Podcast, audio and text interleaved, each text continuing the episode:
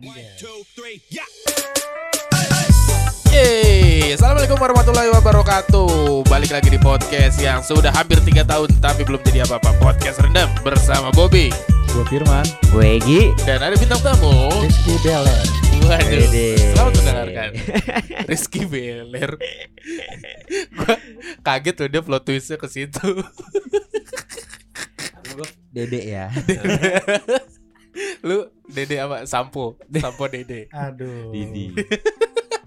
Eh udah lama banget ya kita Iya udah lama Ada gak sih Iya. sebulan kita ngatek? Lebih Enggak lebih. Hmm. Tapi Sebulan, oh enggak terakhir gitu. tuh pas ulang tahun gua 6 Agustus. Iya Enggak tapi ada satu episode tapi belum tayang Susah Oh, banget editnya tentang- itu Ah, nggak usah. Polisai Yang itu sampo Ada gua nggak kan sih? yang ngomongin sampo Iya ngomongin sampo itu Ada gua gak sih, Wak? Yang Hah? ngomongin Ada gua? anggur jadi terus Ada ada ada berlima ada Wandi Oh, itu Emang setelah gua ulang juga? tahun.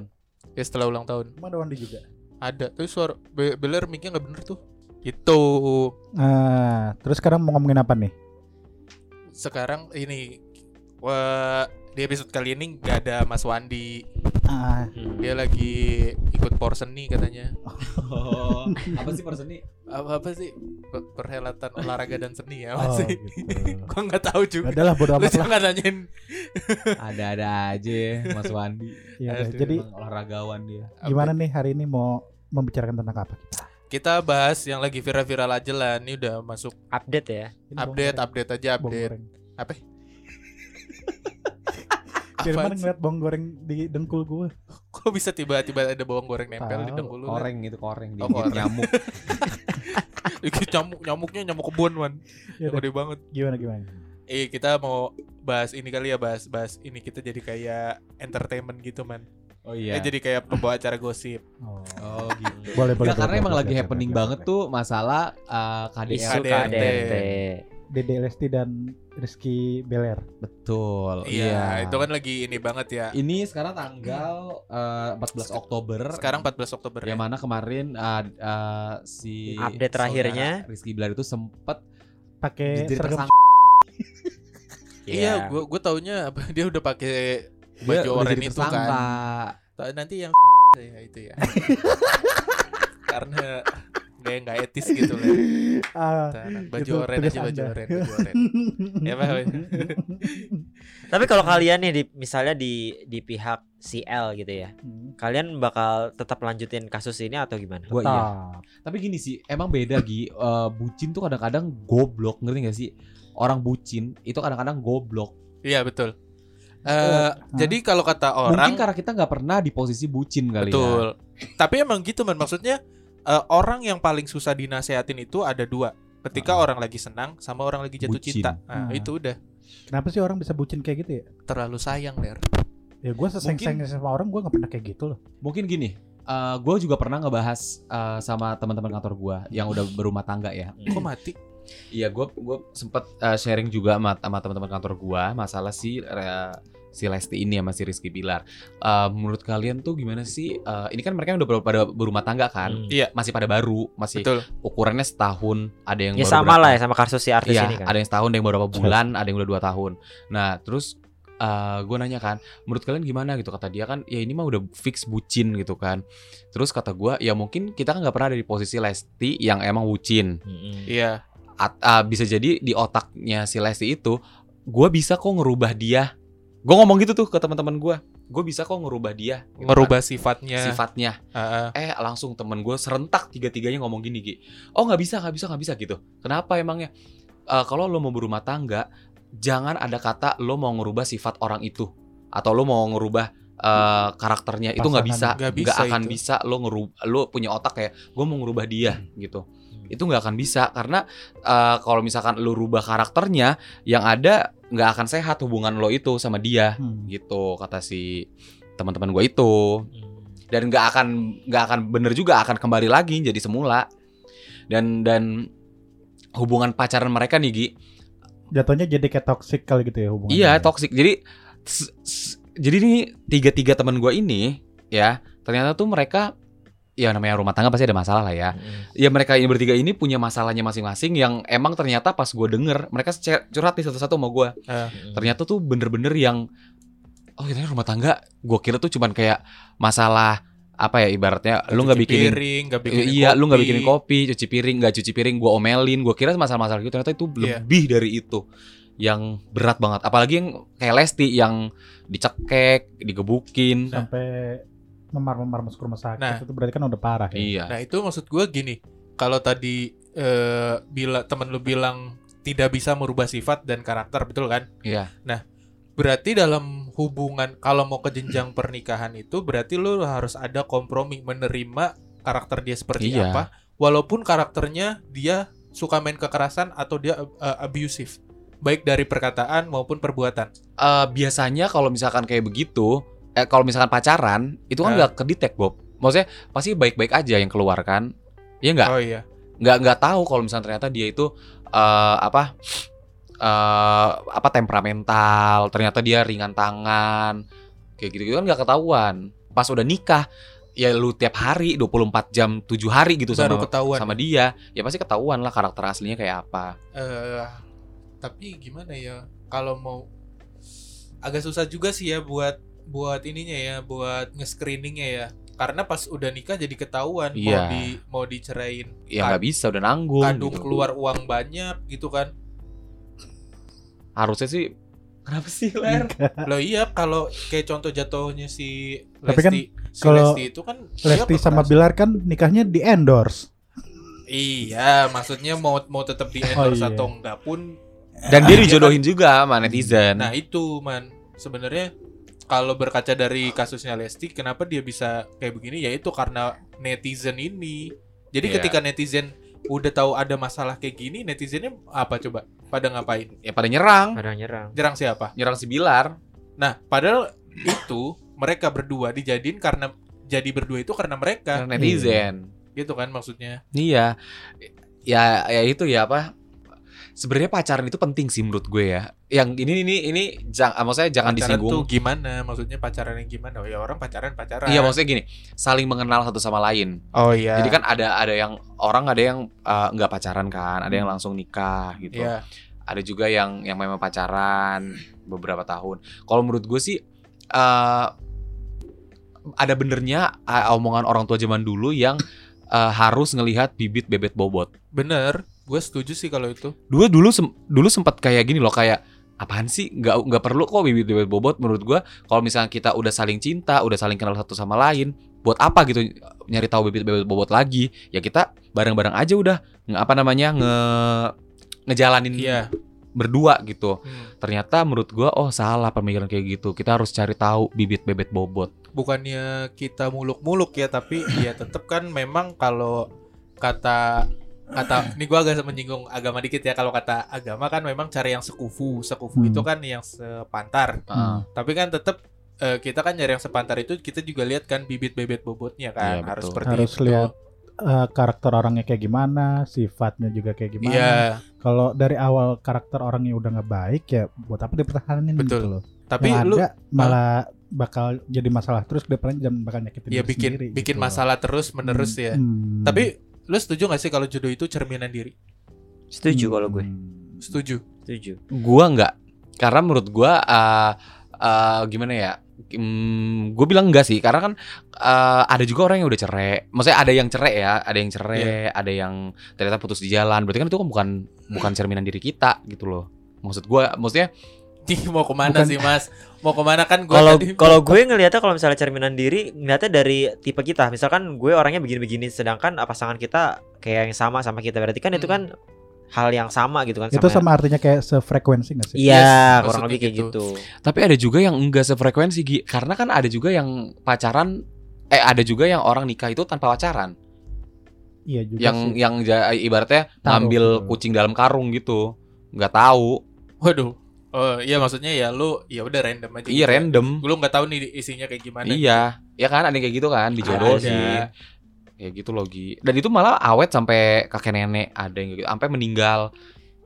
nah Berarti mungkin se, se berjalannya waktu mereka mendapat- mendapatkan kecocokan di situ. Menurut gua bukan sih, maksudnya bukan cerminan diri. Maksud gua gini kali ya. eh, akhirnya mereka em, melengkapi satu sama lain. iya Ya itu bisa juga sih. Bukannya sa- bukannya mereka oh gua sama lo sama nih gitu. Enggak, tapi melengkapi. Ada yang ibaratnya Bukan emosional yang ini cuma- jadi Bukan cuma peredamnya. melengkapi aja tapi juga saling menerima satu sama Iya. lain. Nah itu tadi saling kompromi ya, saling kompromi, saling terima.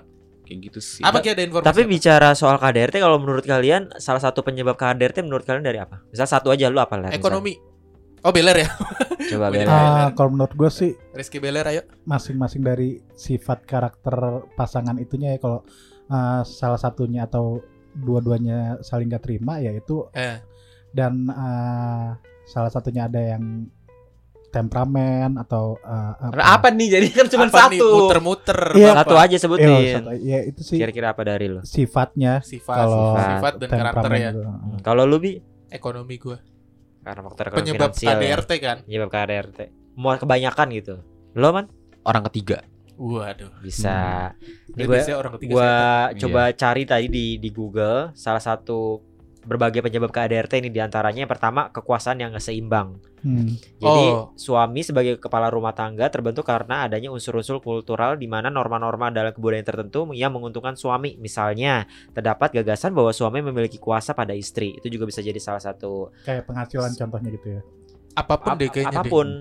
Jadi maksudnya di situ apa tidak berimbang. Ya, jadi misalnya eh, pandangan ini terbangun ketika kaum laki-laki memandang istri adalah pelayan suami. Iya. Hmm. Itu itu juga bisa jadi Atau salah sebaliknya.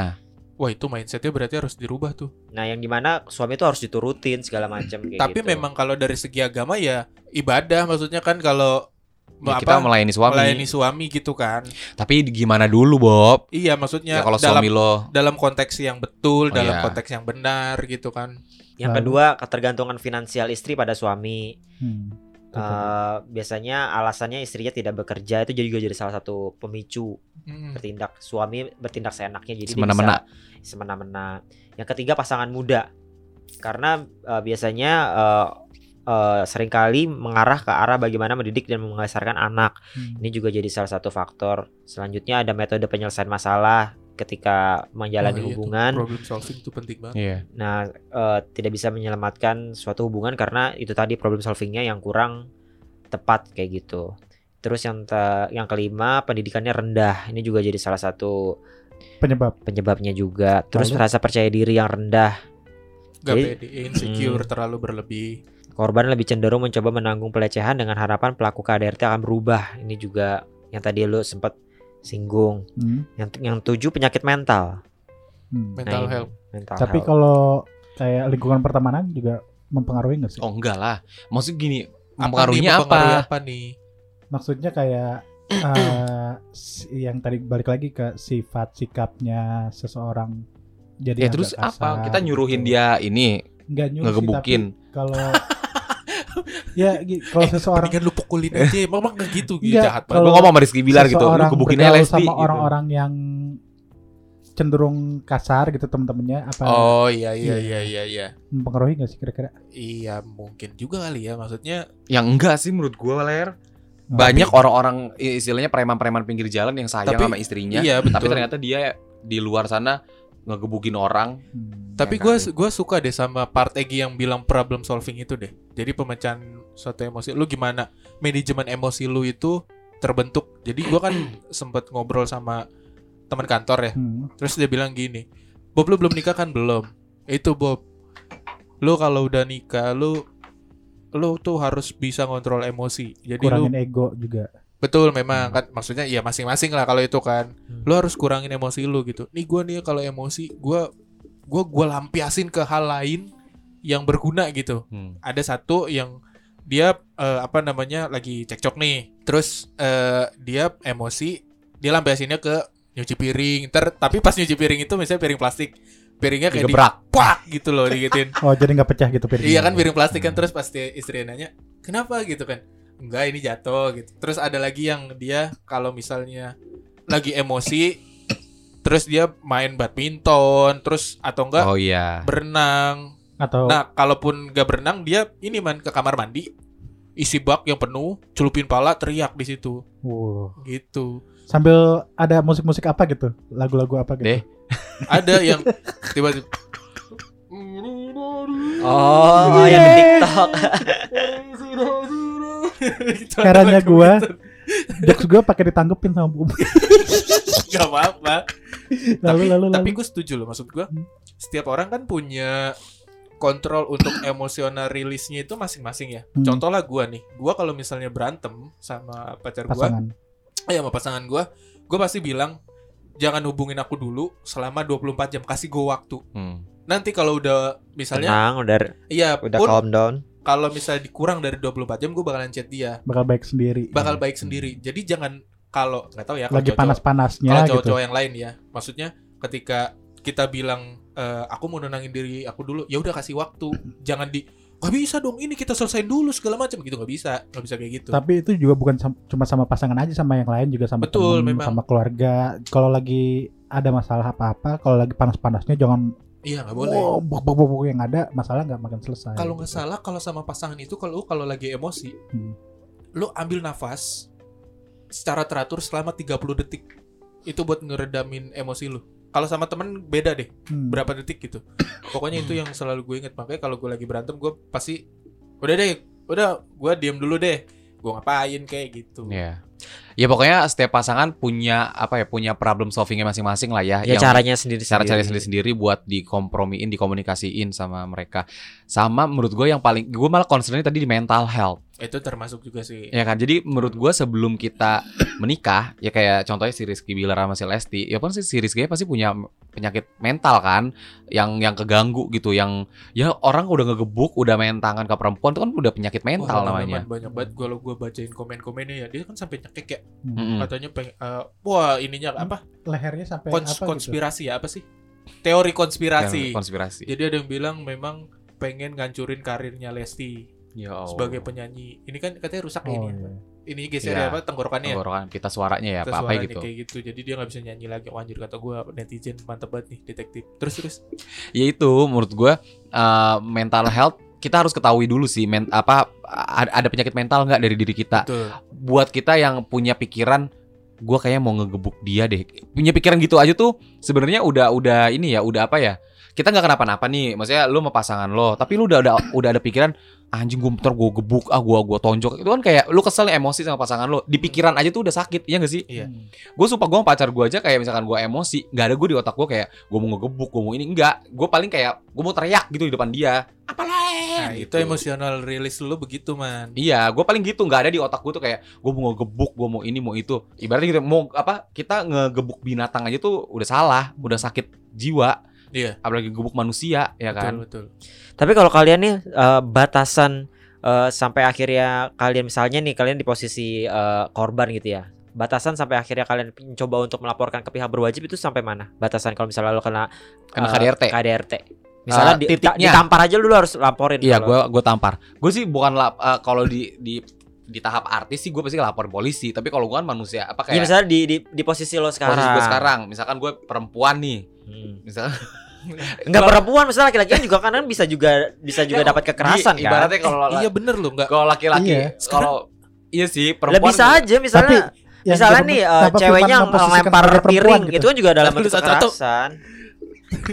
Kenapa harus memposisikan dirinya sebagai perempuan? tapi tapi tapi yang rata-rata yang melemah itu kan emang perempuan. Oh, Maksudnya iya, tapi enggak iya, enggak mostly secara emang secara ini ya, secara emang generalnya Perempuan memang biasanya Biasanya secara physically Betul. perempuan itu lebih lemah dibanding laki-laki lebih gitu rentan loh. terkena KDRT. Kenapa kalau perempuan disakitin sama dalam konteks tanda kutip hubungan rumah tangga ya itu dibilangnya KDRT tapi kan ada lelaki yang disiksa sama maksudnya terkena kekerasan dari perempuan apakah itu disebut KDRT? juga? KDRT kan si itu juga laporin polisi juga si Jonathan Frizzy. Katanya dia dapat KDRT dari dari Oh iya benar istrinya. ya. Oh pernah Oh ya ada. Oh Iya. iya, gue lupa itu. Digebukin pakai apa gitu. Tapi malu gak sih baseball. kalau artis cowok ngelapor ke polisi dengan laporan dia di mendapatkan kekerasan? Karena gini ler, kalau misalkan kita yang ngebales, kita juga kena. Kena sama Iya aja. Karena pukulan laki-laki itu bakal lebih parah dibanding Tapi kan perempuan. penilaian dari masyarakat bakal wah lemah banget jadi Oh, enggak sih gua. Malah malah menurut gua, malah misalkan ada tetangga gua nih. Tetangga gua ada yang kena KDRT juga dan akhirnya cerai. Yang rumahnya Iya, rumah kosong gede. rumah kosong gede sebelahnya. Nah, itu tuh Ah, itu kena KDRT sama, sama istrinya. ya kan tempat lu juga Las Vegas man. Tadi belum dijawab lu sa- sebatasan lu sampai mana? Oh iya, gua digampar aja. Gak gampar jambak Langsung lu gitu. tinggal. Langsung gua tinggal. Lo ler kalau Beler kayaknya denger-denger lo emang senang di kekerasan karena lo seneng uh, katanya. fetish lu BDSM. Iya. Dia pakai cep- apa pecut yang di kuda lumping tuh. Tak. Udah gitu harus Eh, pasangannya harus pakai pakaian suster. Oke, gue pakai pakaian Catwoman. Kagak man, pakai pakaian kuda lumping bawa kuda-kudaan gitu. Oh, terus mukanya bedakan semua itu ya. Iya. Terus kalau kalau Jemur-jemur api. Iya kalau eh, udah main Cubit. fisik tangan Iya sih, atau apa sih itu, itu, udah kalau- udah ya gue laporin gitu tapi ya udahlah Abusive, Itu kalau abusive menurut parah. Sekali aja udah langsung lo laporin. ya kalau udah main tangan udah nendang gitu atau apa gitu ya kan ada harga diri sebagai seorang laki-laki yang harus dijaga Enggak, ini dia memposisikan dirinya sebagai oh ya baik mau cewek mau cowok juga Iya, sama aja lah ya. Iya, misalnya lo kena kekerasan dari Iya. pasangan lo lah gitu. Tapi gue setuju sih kalau udah sampai maksudnya yang benar-benar merenggut apa yang yang udah kena fisik banget fisik gitu Ah, ah. yang sampai benar-benar lu nggak bisa aktivitas sih kalau gua ya. Mungkin kalau ditampar, dipukul memang kan nggak boleh ya. Cuman kan ya gitu gimana ya. Tapi gini, bingung Gi. deh. ya kalau main fisik kan itu berarti udah benar-benar nyakitin nah, bukan jangan main jangan kan main fisik deh omongan aja gitu kadang ya kalau udah kasar udah nggak pantas gitu apalagi kalau udah fisik sih. gitu Iya, tapi ya perempuan yang main fisik itu biasanya derajatnya lebih tinggi dari laki-laki eh, secara Bukan ekonomi, ya? secara materi. Iya, Oke. biasanya iya sih. Iya. Secara materi eh, si perempuan itu lebih tinggi dibanding laki-laki. Makanya dia dia merasa punya power. merasa punya power. Ya kayak konteksnya kayak tetangga gue itu, emang istrinya itu eh, dari keluarga yang Lebih ada, si suaminya gitu ya. enggak gitu. Udah udah pensiun suaminya. Oh, Oke. Pensiun dini. Jadi umur 40 tahun apa berapa gitu dia udah nggak kerja. Akhirnya di ini kayak ya lu kerja dong, tendang gitu. Aduh. tapi kalau suaminya ogah-ogahan aja di rumah ya Tapi gini, Menurut kalian kalau misalkan ini kan secara fisik ya, tapi ini kalau misalkan secara non verbal, apa ucapan tuh non verbal ya? iya. Verbal dong. Eh, verbal ya? Verbal. Verbal, secara verbal kayak misalkan lo digini sama sama pasangan lo. Diem lo anj, diem lo ngen gitu sama cewek lo gitu. Kalau gue gue langsung gue putusin man. Kalau pacaran lo juga- putusin, tapi kalau udah nikah, karena ini banyak ternyata lo digituin. Gimana ya? Gue sebenarnya agak kurang setuju sih kalau pernikahan itu harus cerita kepada orang tua ya. Tapi ah bingung juga ya. Ada kan konsultasi pernikahan ada? Ada. Nah itu mungkin gue gue untuk langkah awal pasti bawa ke situ dulu. Kalaupun nanti sampai akhirnya nggak bisa di ini gue pakai layer kedua ya melalui ke orang tua sampai Kalau- udah di titik yang capek banget. Kalau gitu. di udah ngomong kayak gitu di ranah publik end kalau gue. Cuman kalau misalnya Iya. masih private kasih kesempatan tiga kali lah kalau masih kayak Iya. gitu end. tapi kita lihat dulu si pasangan ini ngatain kita ala anjing lo ala itu konteksnya apa Dasarnya gitu. apa nih? Nah, kalau ya masih Ya gini lah ya, eh, bercandaan ya Enggak lah, enggak enggak bercandaan. Maksudnya ini secara lo lagi berantem. Iya, lu lagi konflik lagi lagi berantem kalau lagi berantem kayak gitu ya ya gue juga nggak terima lah gitu pasti Gak sebagai- terima lah marwah. Kalau misalnya kita sebagai posisi laki-laki lu di marwah lu sebagai lelaki apa anjing gitu Hmm. kan.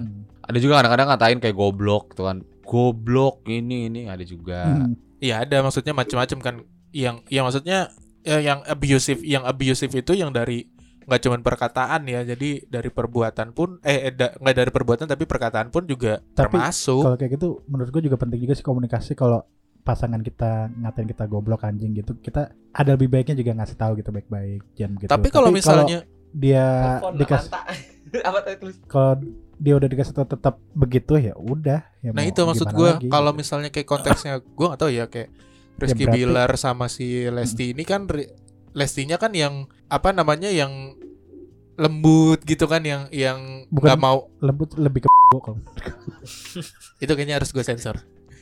Lebih ke nggak lebih ke Polos, kurang polos. kurang pinter gitu ya Enggak maksud gue karena mungkin basicnya si Lesti ini misalnya contoh kasusnya itu Lesti karena dia udah sayang sama rumah tangganya dia udah punya anak kayak gitu loh. anak kayaknya jadi Tapi- salah satu. Heeh. kalau alasannya anak nggak nggak ini juga sih menurutku kalau anaknya eh kalau anaknya udah gede terus pada saat anak itu udah gede terus eh, anak itu ngeliat bapaknya ngehajar nyokapnya itu dia nanti malah jadi serba salah. Serba salah. dendam ya. sama bapaknya serba salah. Kalau misalnya dia udahan sama suaminya, terus apa namanya eh, anaknya jadi pas udah gede nggak punya bapak, nggak tahu bapaknya siapa. Gue cerai karena apa nih gitu. tapi kan Lesti bisa nikah lagi sama orang yang jauh lebih baik dari Ya itu tapi kan dia juga tapi akhirnya bakalan Iya tahu kalau itu bapak sambungnya gitu. Jadi lo gak suka ler kalau misalnya pasangan lo ngatain lo anjing bangsat. Gua nggak suka sih gua. Hmm, Gua nggak suka gua. juga nggak nggak suka, suka. lebih nggak nggak terima Kalau misalnya dikasarin di maksudnya misalnya dikatain nih lu, dia lu anjing kayak gitu. Terus lu balikin marahin dia lagi gimana? Menurut lu etis atau enggak? Enggak, kalau gue sih nggak marah, lebih ke diem aja. Tapi kalau misalnya dia teriaknya anjing enak bangsat itu lu marah gak lihat? Oh, Oh jadi lu lu lu ini lu oh, lu, lu temperamen ya jadinya ya. Lu langsung oh gitu. Anjing malah enak banget tuh semakin dia teriak, semakin dia ngejerit, gue semakin bergairah. Anjing, lihat mukanya. Terus, terus, terus, terus, terus, terus, terus. Udah Anjing komedinya. big banget. Tapi maksudnya Gi ada gak sih Gi itu Gi apa kontak kalau misalnya Oh iya Eh, coba ya, gue coba cari. masyarakat ini gitu kan mendapati tindakan kekerasan dalam berumah tangga bisa lapornya ke mana? Langkah-langkah untuk pelaporannya kayak Oke, gitu. gue coba cari tahu dulu. Tapi kalau kayak gitu ya. Man. eh, Eh iya, kenapa? Main handphone aja lu. gimana man tuh tadi Bobby nanya man? Apa sih dia nanya apa? Langkah-langkahnya apa tuh tadi? Langkah kan Egi yang ditanyain sebenarnya. Oh, Tapi lu setuju nggak man Pasti kalau yang jelas ya sih kita coba ke, ke, Apaan, pihak berwajib ya. Apaan? Tapi di sini gue coba dulu mungkin langkah awalnya ya. sebelum melaporkan ke Tapi lu setuju nggak berwajib kalau misalnya lu di mendapati perlakuan abusive ya secara gitu. verbal itu lu dikatain anjing lu gitu kan Lu lagi berantem tapi lu malah marahin lagi gitu pasangan lu kayak kamu ngomongnya kasar kayak gitu Iya, gue sih gitu. lu gituin gak apa-apa Gak apa. api sama api Ya, gue begitu. Kalau gua kan, Tapi kalau menurut gua kalau cara kayak firman kayak gitu nggak bakal nyelesain masalah yang ada makin panas bola Karena- makin karena gede, gini, Ler. gitu. beda orang tuh beda beda Iya sih. cara ini karena gue sama pacar gue itu sama-sama emosi, sama-sama api. Sama-sama Oh. api. Jadi kalau misalkan dia berantem, gue gue digituin ya, gue gua ributin lagi. ya Tapi- kayak gua sama Rana lah ya ini apa love language-nya physical attack Tapi kalau kalau lo Alias tampol-tampolan. Smackdown. emang kalau berantem gua di ring MMA lo kalau sama Biar lebih profesional ya. kan dia ongbak Kayak kancut doang dong dia. kalau lo sama pacar lo kalau pada saat lo lagi ribut-ributnya nih yang membuat lo berdua baikan lagi apa sih? Eh, biasanya Anak apa gimana anak? Apa? Anak apa gimana? Alasannya anak atau Oh, Resti Enggak, ya gua alasannya anak apa enak? Eh, Biasanya gue dikasih ini, dikasih jajanan. dikasih tol ya gitu Eh. dipitain dah ini Maksud gue dikasih kok sih. salah Sengaja dikasih sama Oh, iya. Firman. oh iya benar lu kaget gua dipitain ya selamat menikmati Aduh. Astagfirullah.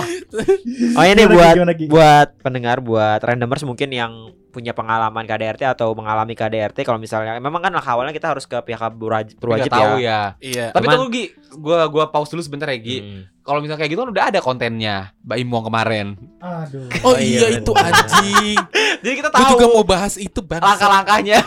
Iya, itu kan yang kita yang bilang tadi harus ke pihak berwajib. Tapi Iya. kalau misalnya kalian misalnya apa ya nggak sempet atau takut, kalian bisa nih laporin melalui daring atau online. Hmm. Salah satunya lewat Komnas Perempuan. Jadi kalian bisa kirimkan ke alamat email di pengaduan at komnasperempuan.go.id Oh iya. atau melalui media sosial di uh, lewat DM gitu ya di Twitter, Facebook atau Instagram.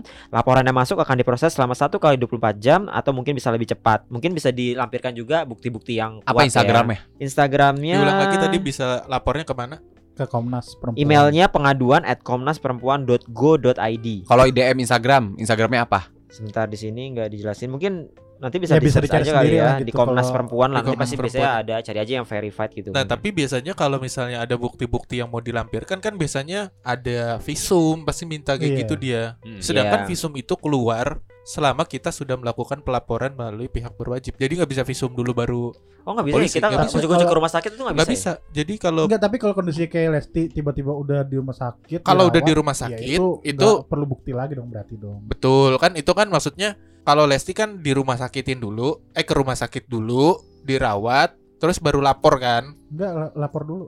Lapor dulu baru ke rumah Eh, sakit. berarti bener kata Bobby. Iya, bener Kan kata emang gua. Emang harus ke lapor polisi dulu. Jadi rumah sakit pun Baru nggak mau ngeluarin, visum. ngeluarin surat visum kalau nggak ada surat perintah dari polisi Hmm. terkait visum. Foto luka juga bisa di sini. Iya mungkin foto-foto dulu baru di visum. Ini juga nih harus di visum nih Nah, kayaknya itu nih. di visum itu kayaknya lu Kemarin. disundut rokok ya. Hmm. Tapi emang sih kadang-kadang uh, lagi kayak begini-gini lagi uh, apa?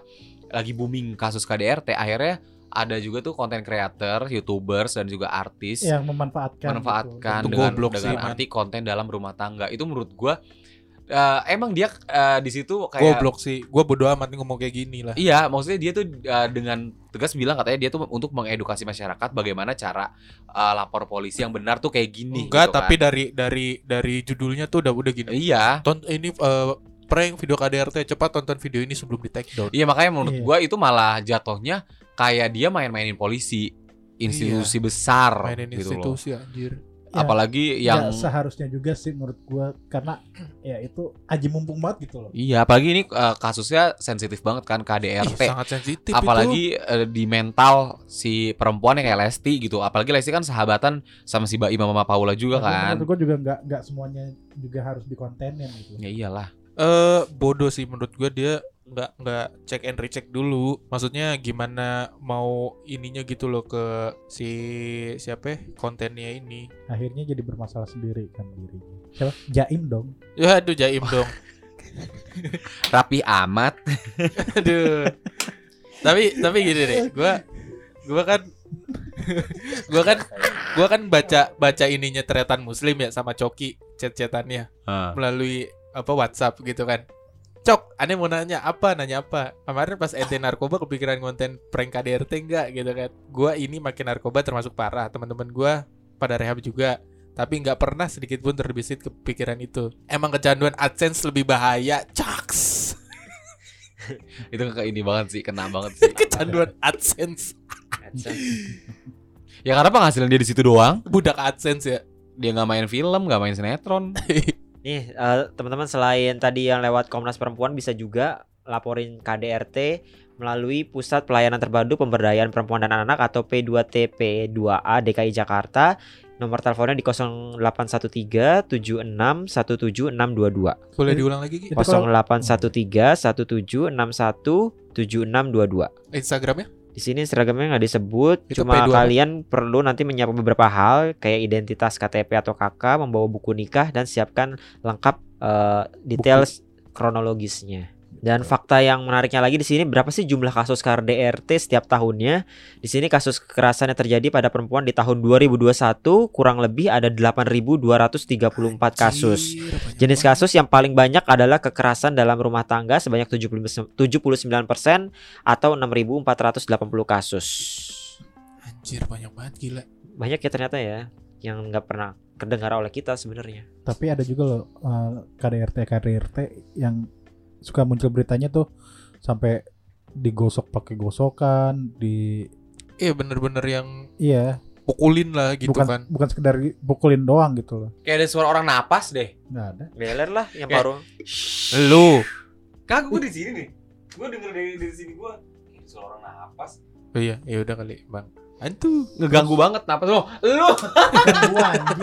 lu, Napas lu boros ler. Kayaknya Maksudnya- apa-apa yang salah gua mulu. Kagak gak salah. gebukin ntar. Aduh, pan selain itu buat penutup. Bintang kejora dong gue.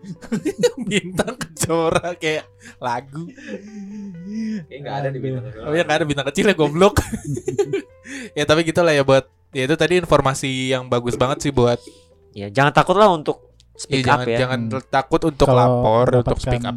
perlakuan tidak menyenangkan gitu dari siapa pun gitu loh bukan Iya. dalam rumah tangga doang tapi ya siapa pun itu kalau ya kayak kemarin aja misalnya ada yang dibunuh ada yang ditembak gitu ya keluarganya lapor ya lapor aja gitu Iya, tapi kan nggak di, perlu takut tapi kan- dibatasi.